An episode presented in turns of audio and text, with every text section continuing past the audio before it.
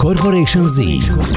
Az új generáció műsora a Spirit fm Corporation Z. Egy óra Trunktomival fiatalokról, nem csak fiataloknak. Stílus, sport, zene, tanulás és minden más, ami az Z-generációt érinti. Corporation Z. Trunktomival.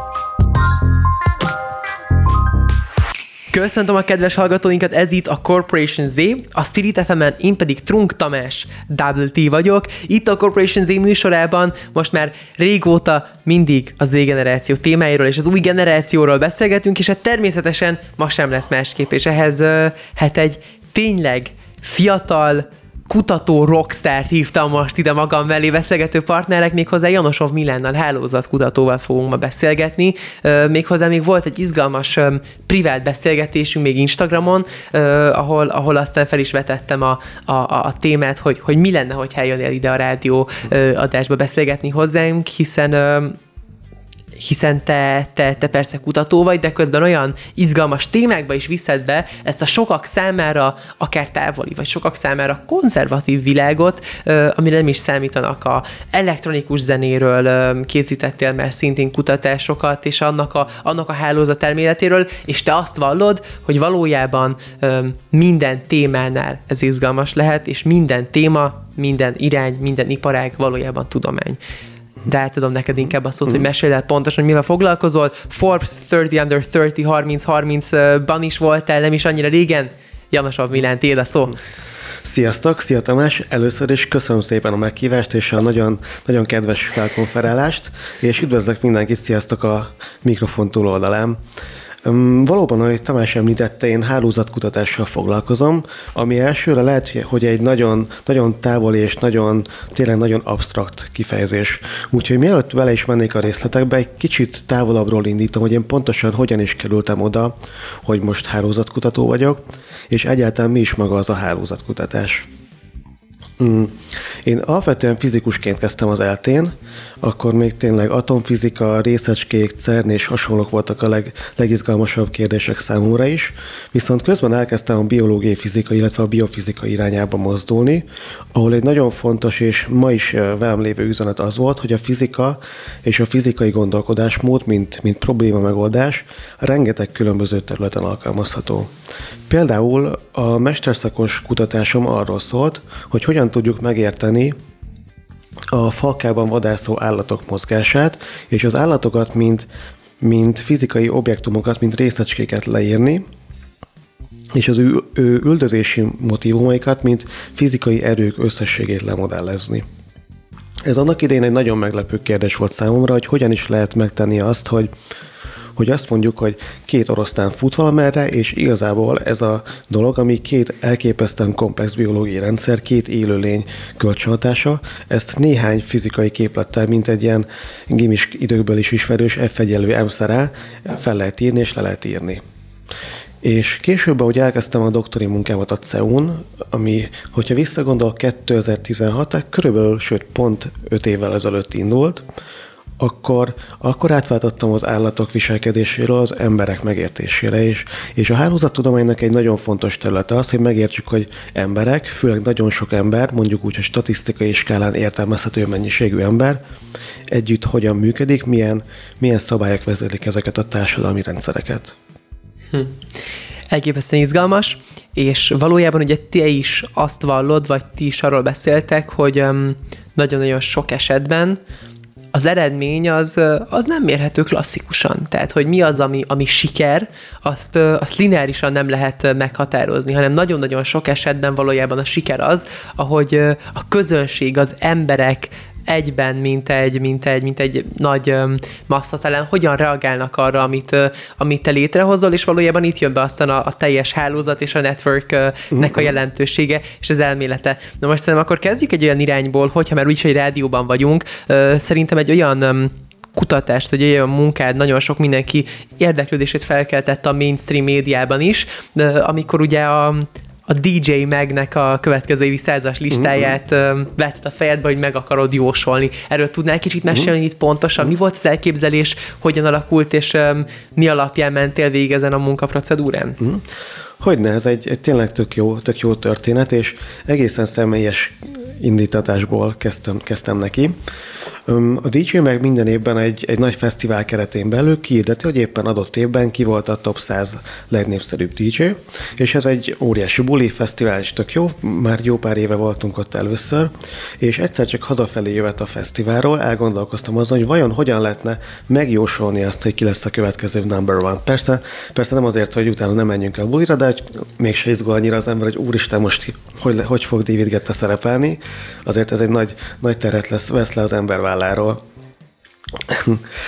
és elkezdtem adatokat gyűjteni, kitalálni, hogy vajon, vajon milyen szempontokból lehetne megfogni azt, hogy egy, egy zenész hogyan szerepel, és hát ebben benne van az, hogy ők milyen, milyen albumokat adtak ki, mennyien hallgatják őket, vagy éppen, hogy éppen abban az évben milyen zenészekkel dolgoztak együtt.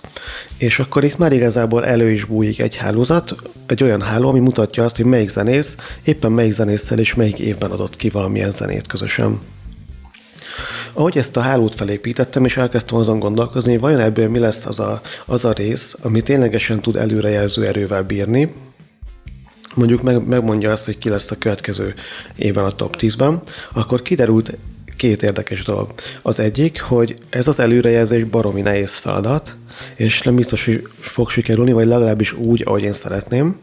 A másik oldalról viszont kiderült, hogy ennek az oka az, hogy a DJ kollaborációs hálója egészen sok olyan, olyan mintát és olyan sajátságosságot hordoz, amik, amik nagyon váratlanok, és egy ilyen, mondhatjuk úgy, társadalomtudományi szemmel nézve is egészen meglepőek.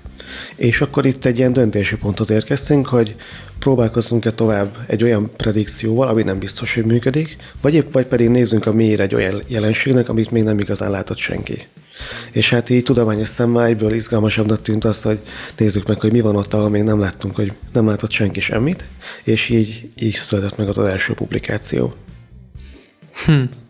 Tehát azt mondod, hogy valójában az, hogy hogy, hogy egyre inkább látható az, legyen itt akár szó zenéről, legyen itt akár mondjuk szó a divatvilágról akár, miről szintén sokszor beszélek itt ebben az, a, a műsoromban is, az együttműködéseknek és a kollaborációknak az egyre inkább non-lineáris irányba való elmozdulása, hogy teljesen váratlan történetek csatlakoznak, és, és pont ezt teszi az egészet varázslatossá, ez valamilyen szinten megnehezíti a munkád, vagy ez inkább egy ilyen plusz kis fűszert ad még hozzá? Uh-huh. Szerintem talán éppen ettől igazán izgalmas, mert, uh-huh. mert hiába vannak várakozásaink, nagyon sokszor igazi meglepetésekkel találkozunk, és valami, valamilyen hipotézis mentén elkezdünk dolgozni, kutatni, elemezni, és akkor, hogyha ennyire egy, egy tiszta úton haladunk, akkor egyrészt valamennyire biztonságos, hogy lesz egy eredmény, és abból lehet majd cikket írni. Viszont az igazán nagy felfedezések szerintem többnyire akkor történnek, amikor valami igazán meglepő, meglepő dolgot találunk. Hiszen minden mindennel összefügg, ugye ez, ez, ez pontosan a, a, te gondolatiságod is, arról még kicsit tudsz mesélni, hogy ez pontosan nálatok hogyan válik egy nagyon jól hangzó mondatból egy, uh-huh. egy praktikus fogalommá? Uh-huh. Mm, erre talán a legjobb példa, hogy ma reggel jöttem a stúdióba, és a, a taxisofőr úr megkérdezte, hogy, hogy, hogy hogy jövök ide hozzátok, és hogy miről fogok mesélni. És akkor elgondolkoztam, hogy igazából tényleg bárhol lehet hálókat találni, hiszen a, a Google-nek a, az első sikersztoria, a kereső algoritmusok a hálózatokon épül, mert az internet egy óriási összekapcsolt háló. Ugyanígy mondjuk a Facebook, hogyha már a legnagyobb applikációknál járunk, ugye egy társadalmi hálót épít fel, ami lassan az egész, egész emberi civilizációt lefedi, Ugyanígy például az Amazon, hogyha még az óriási tech cégeknél vagyunk, az is egy kimondottan hálózatos probléma, hogy hogyan lehet mondjuk jól kiszervezni az Amazon futárok útvonalait, tehát igazából rengeteg helyen találkozunk hálókkal, mm, zenében, művészetben, biológiában, rákkutatásban, Covid kutatásban, szóval rengeteg olyan, olyan probléma, illetve olyan terület van, ahol a hálózatos gondolkodásmód egy egészen, egészen új megközelítést tud adni, és pont kilépünk ebből a linearitásból, és, és elkezdjük azt látni, hogy különböző részek mennyire jól összefüggnek, és mennyire jól lehet váratlan helyzetekben alkalmazni rég megtanult módszereket, mint mondjuk az F1 elő M képletét az a vadászó állatok modellezésére. Azt már mesélted, hogy te hogyan kerültél a hálózatkutatás világába, de amire nagyon kíváncsi lennék még egy kicsit személyesebben, hogy mi az, ami megfogott benne téged, mi volt az, ami, ami lenyűgözött benne, hiszen hogyha az ember ugye a, a, a munkásságát ennek szenteli, akkor ott valami, valami nagy dolognak kell a háttérben lennie. Így van, és van is. Pontosan ez az univerzalitás, hogy ha valaki hálózatkutató, akkor igazából egy kicsit minden területen kutat, mert annyira sok mindent lehet csinálni, és például így történt az, hogy most van egy agykutatással kapcsolatos projektem, dolgoztam történészekkel, jogászokkal, közgazdászokkal, társadalomtudósokkal, matematikusokkal, informatikusokkal, városfejlesztési szakemberekkel, hogy annyira széles spektrum, hogy egyszerűen, egyszerűen csak azt érzi az ember, hogy úristen, még mennyire sok mindent lehet csinálni, és mennyire sok különböző irányban lehet alkalmazni. És ez kicsit ilyen, ilyen nem tudom, mint hogyha az ember legózna, és tényleg van egy, egy olyan kocka, amivel, ami mindenhova illeszkedik, és bármilyen kérdésen el lehet gondolkozni, és teljesen szabadon tudunk ötletelni, kérdéseket feltenni, problémákat megoldani. És akkor kicsit menjünk tovább még a te történetedben, ahogy már valószínűleg sokaknak feltűnt, azért a zenei világ is egy erős szenvedélye természetesen. Oda honnan jön a kötődésed? Mm, először abszolút, be, nézzük csak. Legelőször most így visszatekertem és rájöttem, hogy volt már egy korábbi zenei próbálkozás, még gimis koromban a basszusgitározás és az ilyen metal, metal zenekar vonal nagyon tetszett. Aztán kiderült pár egy-két év alatt, hogy a lelkesedésem sok, sokkal nagyobb, mint, hogy mondjuk inkább úgy, hogy a tudományokhoz sokkal jobb tehetségem volt, mint a basszusgitározáshoz, és akkor ez egy kicsit így, így megmaradt hobbi szintem, és utána az elektronikus zene felé kezdtem el érdeklődni személyes szempontból is, és utána a fesztiválok, például a fesztiválok, az EMF, AD Amsterdam, amik nagyon tetszettek, és ennek kapcsán itt az a kutatás, és itt történt egy ilyen oda-vissza párbeszéd igazából, hogy volt a kutatási téma, ami, meg a cikkírás, ami a doktorimba is belekerült végül. És egy ilyen párbeszéd, hogy vajon ezt hogyan lehetne valóságba is átültetni. És az első átültetés az egy olyan kollaboráció volt, ami, amiben megismerkedtem Armin van Buren csapatával, az Armada Music-kal. Ők, egy, ők talán a legnagyobb független elektronikus zenei kiadó, egy amsterdami, amsterdami kiadó, és velük elkezdtünk azon gondolkozni, vajon hogyan lehet meghatározni azt, hogy egy-egy zene, egy-egy szám miért lesz nagyon népszerű, vagy éppen nem népszerű a rádióban. És ez egyébként még egy most is zajló projekt és egy ötletelés, ami, ami egy nagyon izgalmas példája annak, hogy egy, egy akadémiai, egy tudományos kutatás mennyire gyorsan ki tud lépni a gyakorlatba, és egy valódi problémán problémán alkalmazható. Mert itt az a kérdés, hogy vajon jön, jön egy új zenész, akkor egy új zenésznek vajon mit kell ahhoz tennie, hogyha szeretne a rádióban sikeres lenni. Hm. És akkor a sikerességet itt, mint egy külső objektív sikert mérjük, vagy értelmezzük, mert hogy mondjuk hallgatottságban.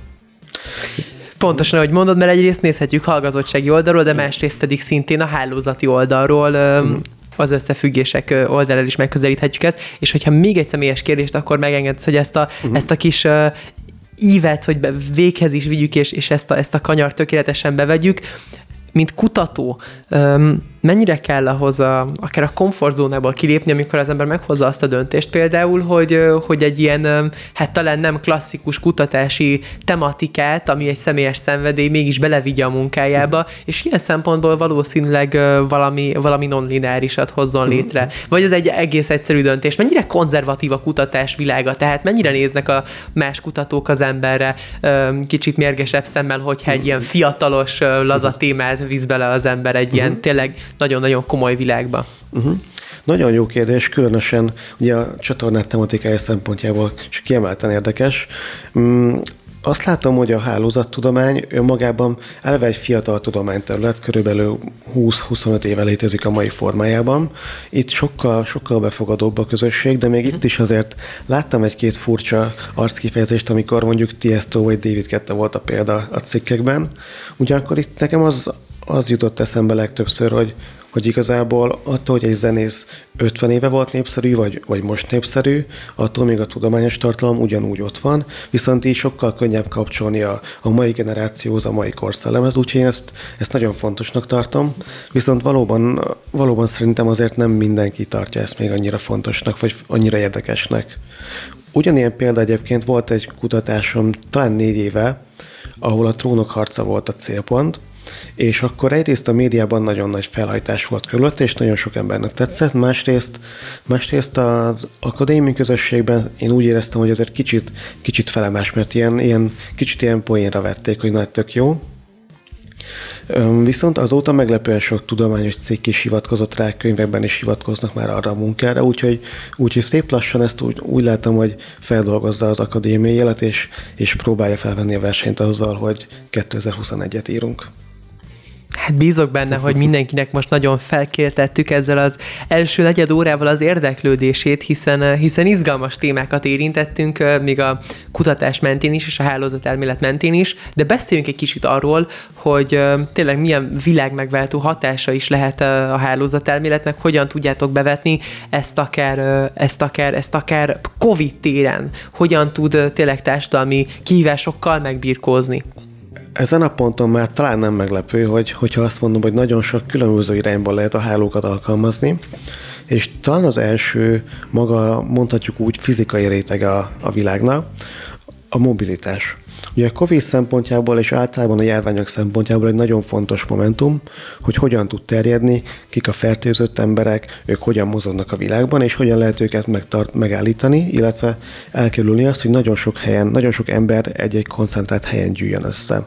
És ebben például a hálózatkutatás nagyon jó, hiszen Mondjuk a közlekedést tök jól lehet vele vizsgálni, meg lehet érteni azt, hogy mik azok a központi úgynevezett hubok a különböző közlekedési rendszerekben, legyen szó akár egy, egy nagyváros tömegközlekedésében, vagy akár a globális repülő légi közlekedésben, amiből meg lehet mondani azt, hogy mik azok a gócpontok, vagy potenciális gócpontok, ahol különösen óvatosnak kell lenni, sokkal szigorúbb előírásokat kell követni, és ezáltal meg lehet azt akadályozni, hogy az, mondjuk az egyik kontinensről a másikra átkerüljön a járvány.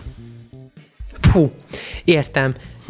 Ez uh, lenyűgöző, és ennek a mélységében még, még jobban bele fogunk menni a beszélgetésünk második felében. Köszönöm az eddigi gondolataid. Kedves hallgatóink, önök most nem menjenek sehova, hiszen egy perperces szünet érkezik most, de vissza fogunk térni Janosov Milánnal, és tovább fogunk beszélgetni a hálózatelméletről, az ő munkásságáról, és arról, hogy persze az izgalmas témák mellett hogyan tudja valójában is megváltani ez a tudomány a világot, úgyhogy kövesnek minket addig is Instagramon, egyrészt Janosov Milánt, Janosov Milán néven megtalálják engem Trunk Tamás WT néven, másrészt pedig a Spirit FM-et szintén, és per perc, és visszatérünk.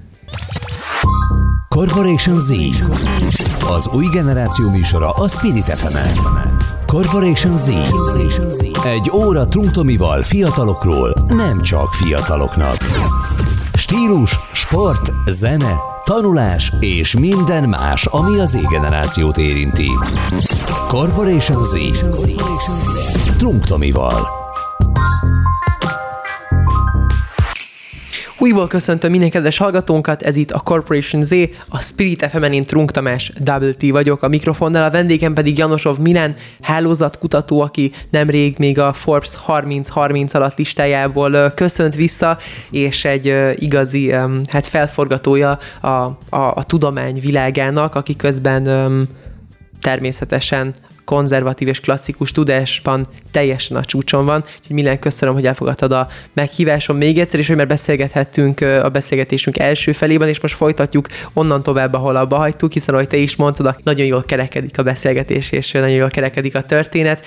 Na most a hálózat elmélet és a hálózat kutatás az elmúlt években is egész erősen betört a, a mainstream um, érdeklődés körbe is, és már egyre több embernek felkeltette tényleg a, az érdeklődését, és, a, és a, eljutott az inger küszöbét. Ez minek köszönhető, hogy, hogy most jött meg ez az áttörés, és mennyire volt korábban meg a hálózat kutatás a világunkban? Uh-huh. Lehet, hogy itt egy nagyon, nagyon távolról indítanám a válaszomat.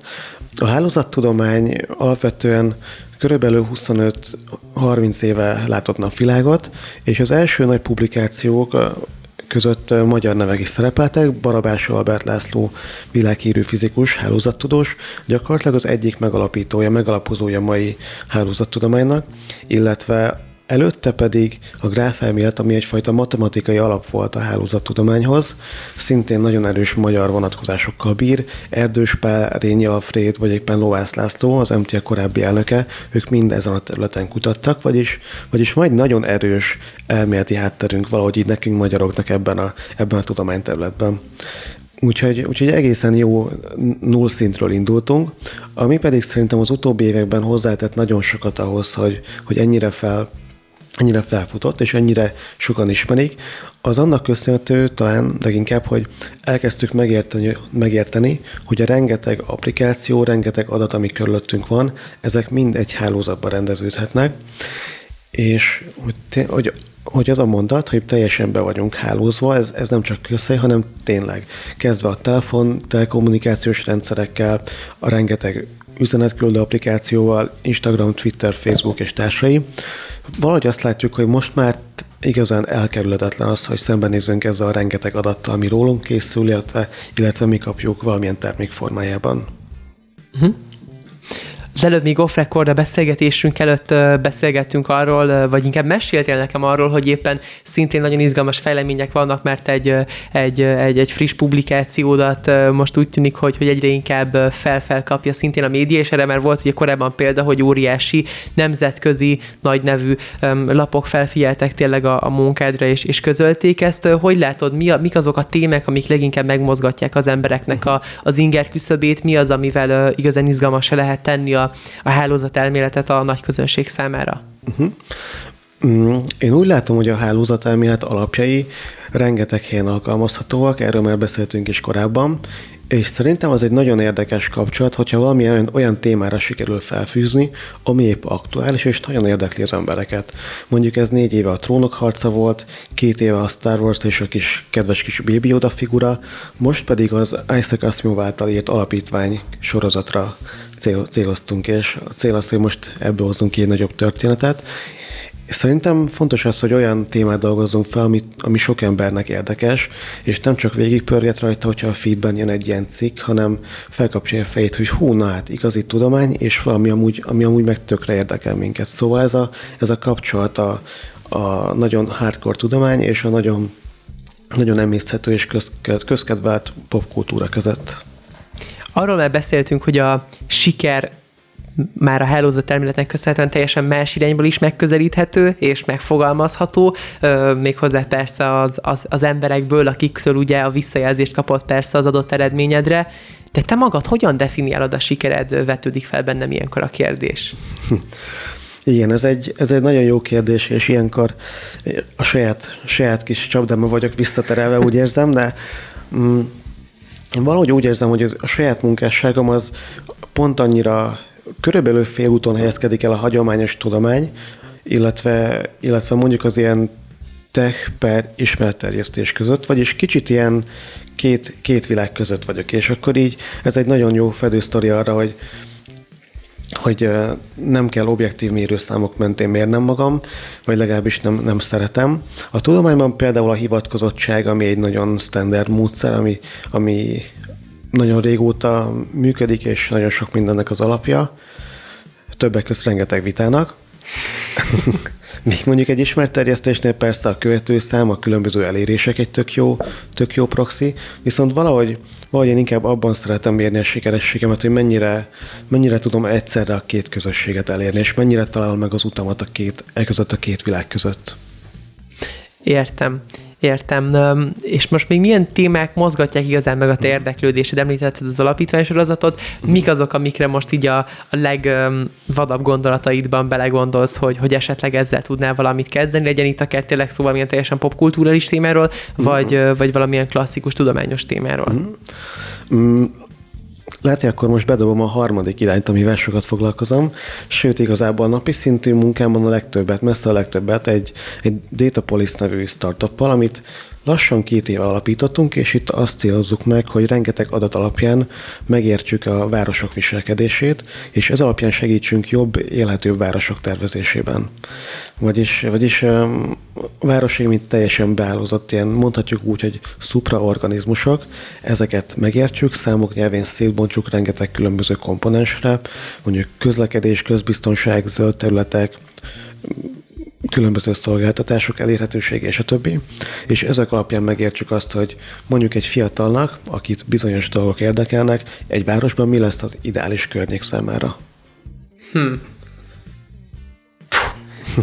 szóval sem jutok, annyira, annyira izgalmas témákat vetsz fel, és, és valójában, ahogy beszélgetünk, ugye a beszélgetés szinte azzal kezdtük, hogy azt mondtad, hogy valójában, sőt, hát még a beszélgetésünk előtt már off record arról beszélgettünk, hogy a tudomány mindenben benne van, de ahogy így beszélgetünk most már lassan fél órája, az ember tényleg ráeszmél, hogy, hogy valójában tényleg mindenhol ott van a tudomány, és valahogy, valahogy mindenbe bele tudjátok ültetni. Szerinted hol van a határ? Tehát itt tényleg a csillagoség a határ, vagy, vagy egyszer eljön az a pont, amikor már mindent megkutatott az emberiség, amit, amit, amit lehet kutatni? Uh-huh. Szerintem abszolút a csillagoség a határ. Egyébként pont a hétvégén nézegettem egy Star Wars adatbázist, hogyha már a csillagoknál járunk, és lehet, hogy ott lesz egy újabb hálózatos elemzős projekt pár hónap múlva. Mm, de egyébként valóban azt látom, hogy hogy nagyon sok ilyen visszacsatolás van. Például foglalkoztunk az NFT, mint digitális kriptoműkincs témával is, hálózatos szemmel, és ott először írtunk egy cikket az NFT-kről, ahol az NFT munkák, mint digitális műkincsek közötti kapcsolatokat vizsgáltuk, majd pedig megnéztük, hogy Twitteren kik azok, akik erről sokat beszélnek, és utána belőlük is rajzoltunk egy hálót. Majd pedig ebből írtunk egy cikket, és megnéztük, hogy cikkről kik beszélnek, és belőlük is. Szóval igazából itt, itt végtelenségig el tudjuk magunkat látni hálózatokkal. Fú, elképesztő. Tehát valójában abból, ahogy a közönség reagál a ti munkátokra, az szintén egy új kutatás téma számotokra. Hmm. Tehát akkor ez egy végtelen háló. Gyakorlatilag örökre elláttuk magunkat feladatokkal, így van. Elképesztő. Fú, ez, ez tényleg, ez tényleg nagyon megmozgatja ilyenkor az ember gondolkodását és az ember fantáziáját, képzelő erejét. Na most térjünk szerintem egy kicsit vissza, újra akár egy olyan témához, ami társadalmilag nagyon-nagyon meghatározó, és ahol társadalmi téren is nagyon nagy szerepe van a hálózat elméletnek, méghozzá természetesen akár a pandémiákkal való megküzdés, de, de bármilyen olyan témában való kutatás, ami, ami tényleg a, a társadalmi jóért küzd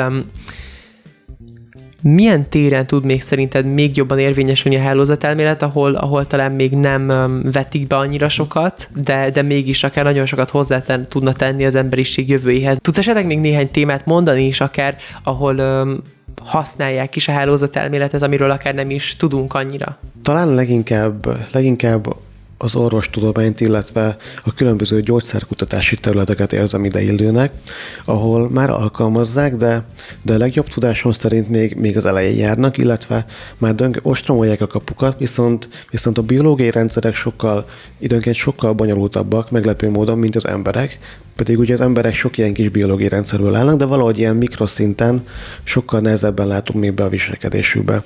És itt olyan kérdésekkel foglalkoznak, hogy mondjuk a különböző sejten belüli folyamatokat hogyan lehet hálóként értelmezni, és mondjuk megtalálni azokat a gyenge pontokat rajtuk, ahol egy gyógyszermolekulával jól lehet hatást elérni, vagy éppen hogyan lehet különböző gyógyszertípusokat úgy kombinálni, hogy mondjuk az egyiknek a hatása, meg a másiknak a hatása egymást sokszorosára erősítse, ezáltal egyrészt hatékonyabban tudjanak gyógyítani, másrészt pedig például lehet, hogy ezzel meg lehet kerülni azt, hogy új gyógyszereket kelljen kifejleszteni, hanem egyszerűen a meglévőket ügyesen mixelni úgy, hogy az eredmény egy sokkal, sokkal jobb hatást elérő dolog legyen, mint az eddigiek.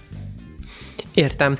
Hamarosan te is elő fogsz adni a, az Internet Hungary konferencián, ahol én is ott leszek, mint előadó, és persze az Internet Hungary leginkább márka oldalról nagyon izgalmas. Uh-huh. És ilyenkor felvetül persze az a kérdés, hogy um, mikor lesz az a pont, amikor valójában akár, akár KKV-k számára, kisvállalatok számára ö, olyan szinten elérhető lesz a hálózat elméletnek a, a praktikája, vagy a, vagy a használata, hogy, hogy, hogy tényleg klasszikusan bele lehessen építeni egy, egy, egy kommunikációs ö, irányelvbe, egy, egy kommunikációs aktivitásra, vagy kicsit úgy fogalmaznám inkább a kérdést, hogy jelenleg márkák hogyan tudják ezt bevetni akár kommunikációs oldalról, és hol tud ez igazán izgalmas válni és praktikus válni számukra?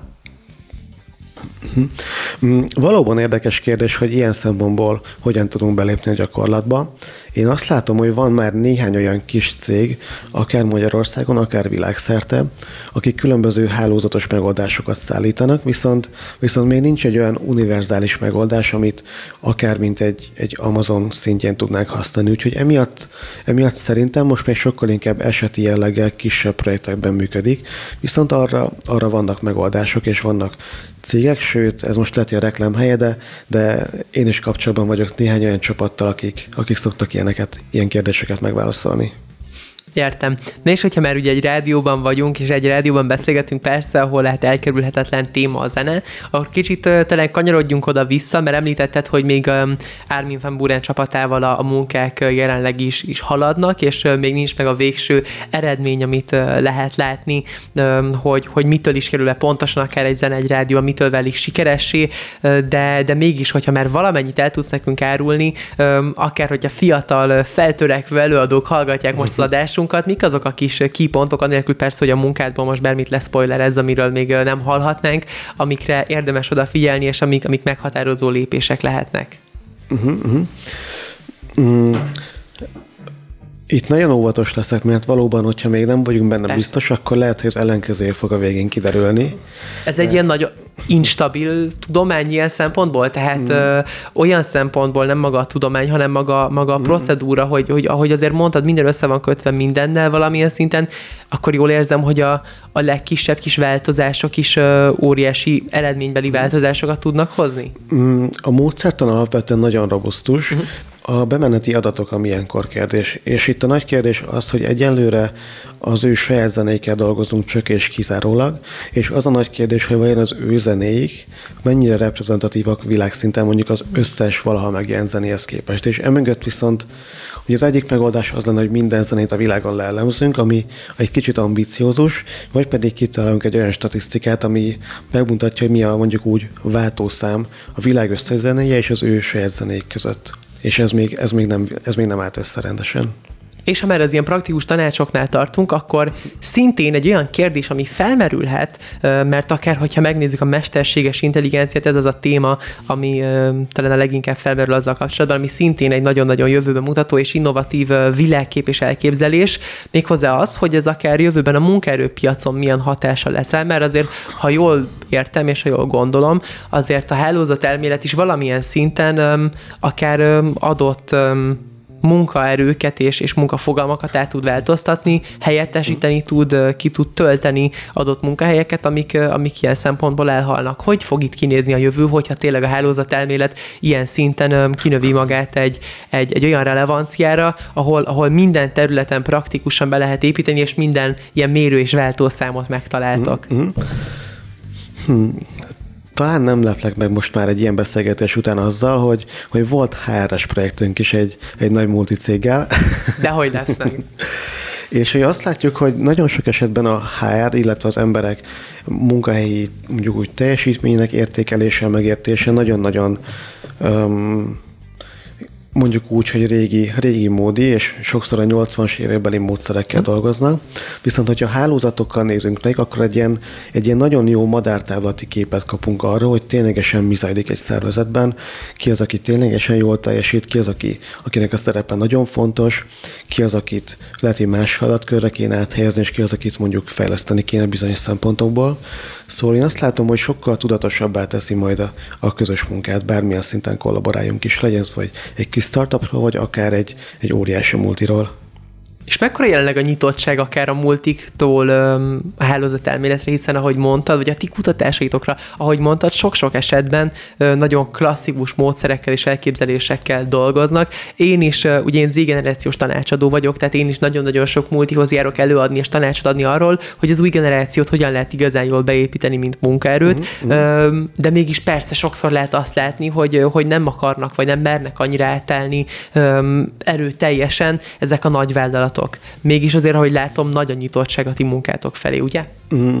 Azt látom, hogy nagyon megosztó. Vannak helyek, ahol nagyon-nagyon elzárkóznak, és tipikusan a nyitottság általában egy-egy embertől jön, aki, aki viszont sok könyvet olvasott a témában, nagyon hisz benne, és szeretné ezt csinálni. És akkor tipikusan az a történet, hogy van egy-két ilyen belső, mondjuk úgy nagykövet, és ők mint egy, mint egy trójai faló becsempészik az adat és hálózat tudatosságot a cégen belül, és akkor viszont már általában látják, hogy ez tényleg, tényleg jó. Hm. Hát ahogy te is mondtad, azért a, az ilyen világmegváltó témáknál leginkább az emberek kapcsolata hozzá az két csoportra oszlik, vannak, akik nagyon-nagyon hisznek benne, és, és tényleg úgy képzelik el, hogy ez teljes mértékben a jövőnknek az alapját képezi, és vannak a teljes szkeptikusok, akik úgy gondolják, hogy ez hozzájuk nem állhat közel. Mi az a néhány mondat, amivel ilyenkor meg tudsz győzni ilyen szkeptikusokat arról, hogy, hogy mégis nagyon nagy jövő rejlik a hálózatkutatásban? Mm, Általában megkérdezem, hogy mi az a mondjuk három weboldal vagy app, amit leggyakrabban használnak, és hogyha ebben van Google és Facebook, akkor szerintem megválaszoltuk a kérdést. Ez a tökéletes zárósz. Nagyon köszönöm, Milán, hogy elfogadtad a meghívásom, hogy megosztottad velünk a, a gondolataid, és hát természetesen a tapasztalataid. Én úgy gondolom, hogy aki ezt a adást végighallgatta, az hát egy nagyon izgalmas képet kaphatott a jövőről, és, és nagyon sok tudást gyűjthetett itt még magába zseniális azt látni, hogy az ilyen klasszikus témákat is, vagy sokak számára akár a mainstreamtől távol álló témákat is olyan irányból közelítesz meg, hogy, hogy minden, mindenki számára befogadható, és nem az, hogy befogadható, de valójában izgalmas legyen, ami az ő saját szenvedélyét érinti meg, úgyhogy úgy gondolom, hogy egy egy, egy, egy nagyon nagy megmozgató ereje van jelenleg a kutatás világának, én ezt persze mint kívülálló mondom, de tényleg köszönöm, hogy ma beszélgethettünk. Köszönöm szépen én is a lehetőséget, és nagyon örülök, hogy itt voltam veletek és a kedves hallgatóinknak pedig nagyon köszönöm, hogy végighallgatták az adásunkat, hogy velünk tartottak, ne felejtjék, jövő héten újra érkezik a Corporation Z. Egy újabb adással addig is kövesnek minket Instagramon. Mai vendégem Janosov Milán szintén megtalálható, én Trunk Tamás WT néven, a Spirit FM pedig Spirit FM BP néven. Jövő héten visszatérek egy újabb adással, egy újabb izgalmas témával, persze az új generációval kapcsolatban, és hogyha még többet szeretnének olvasni az új generációról, akkor olvassák a corporationz.hu-t. Viszont hallásra! Ez volt a Corporation Z. Trunk Tomival, a Spirit fm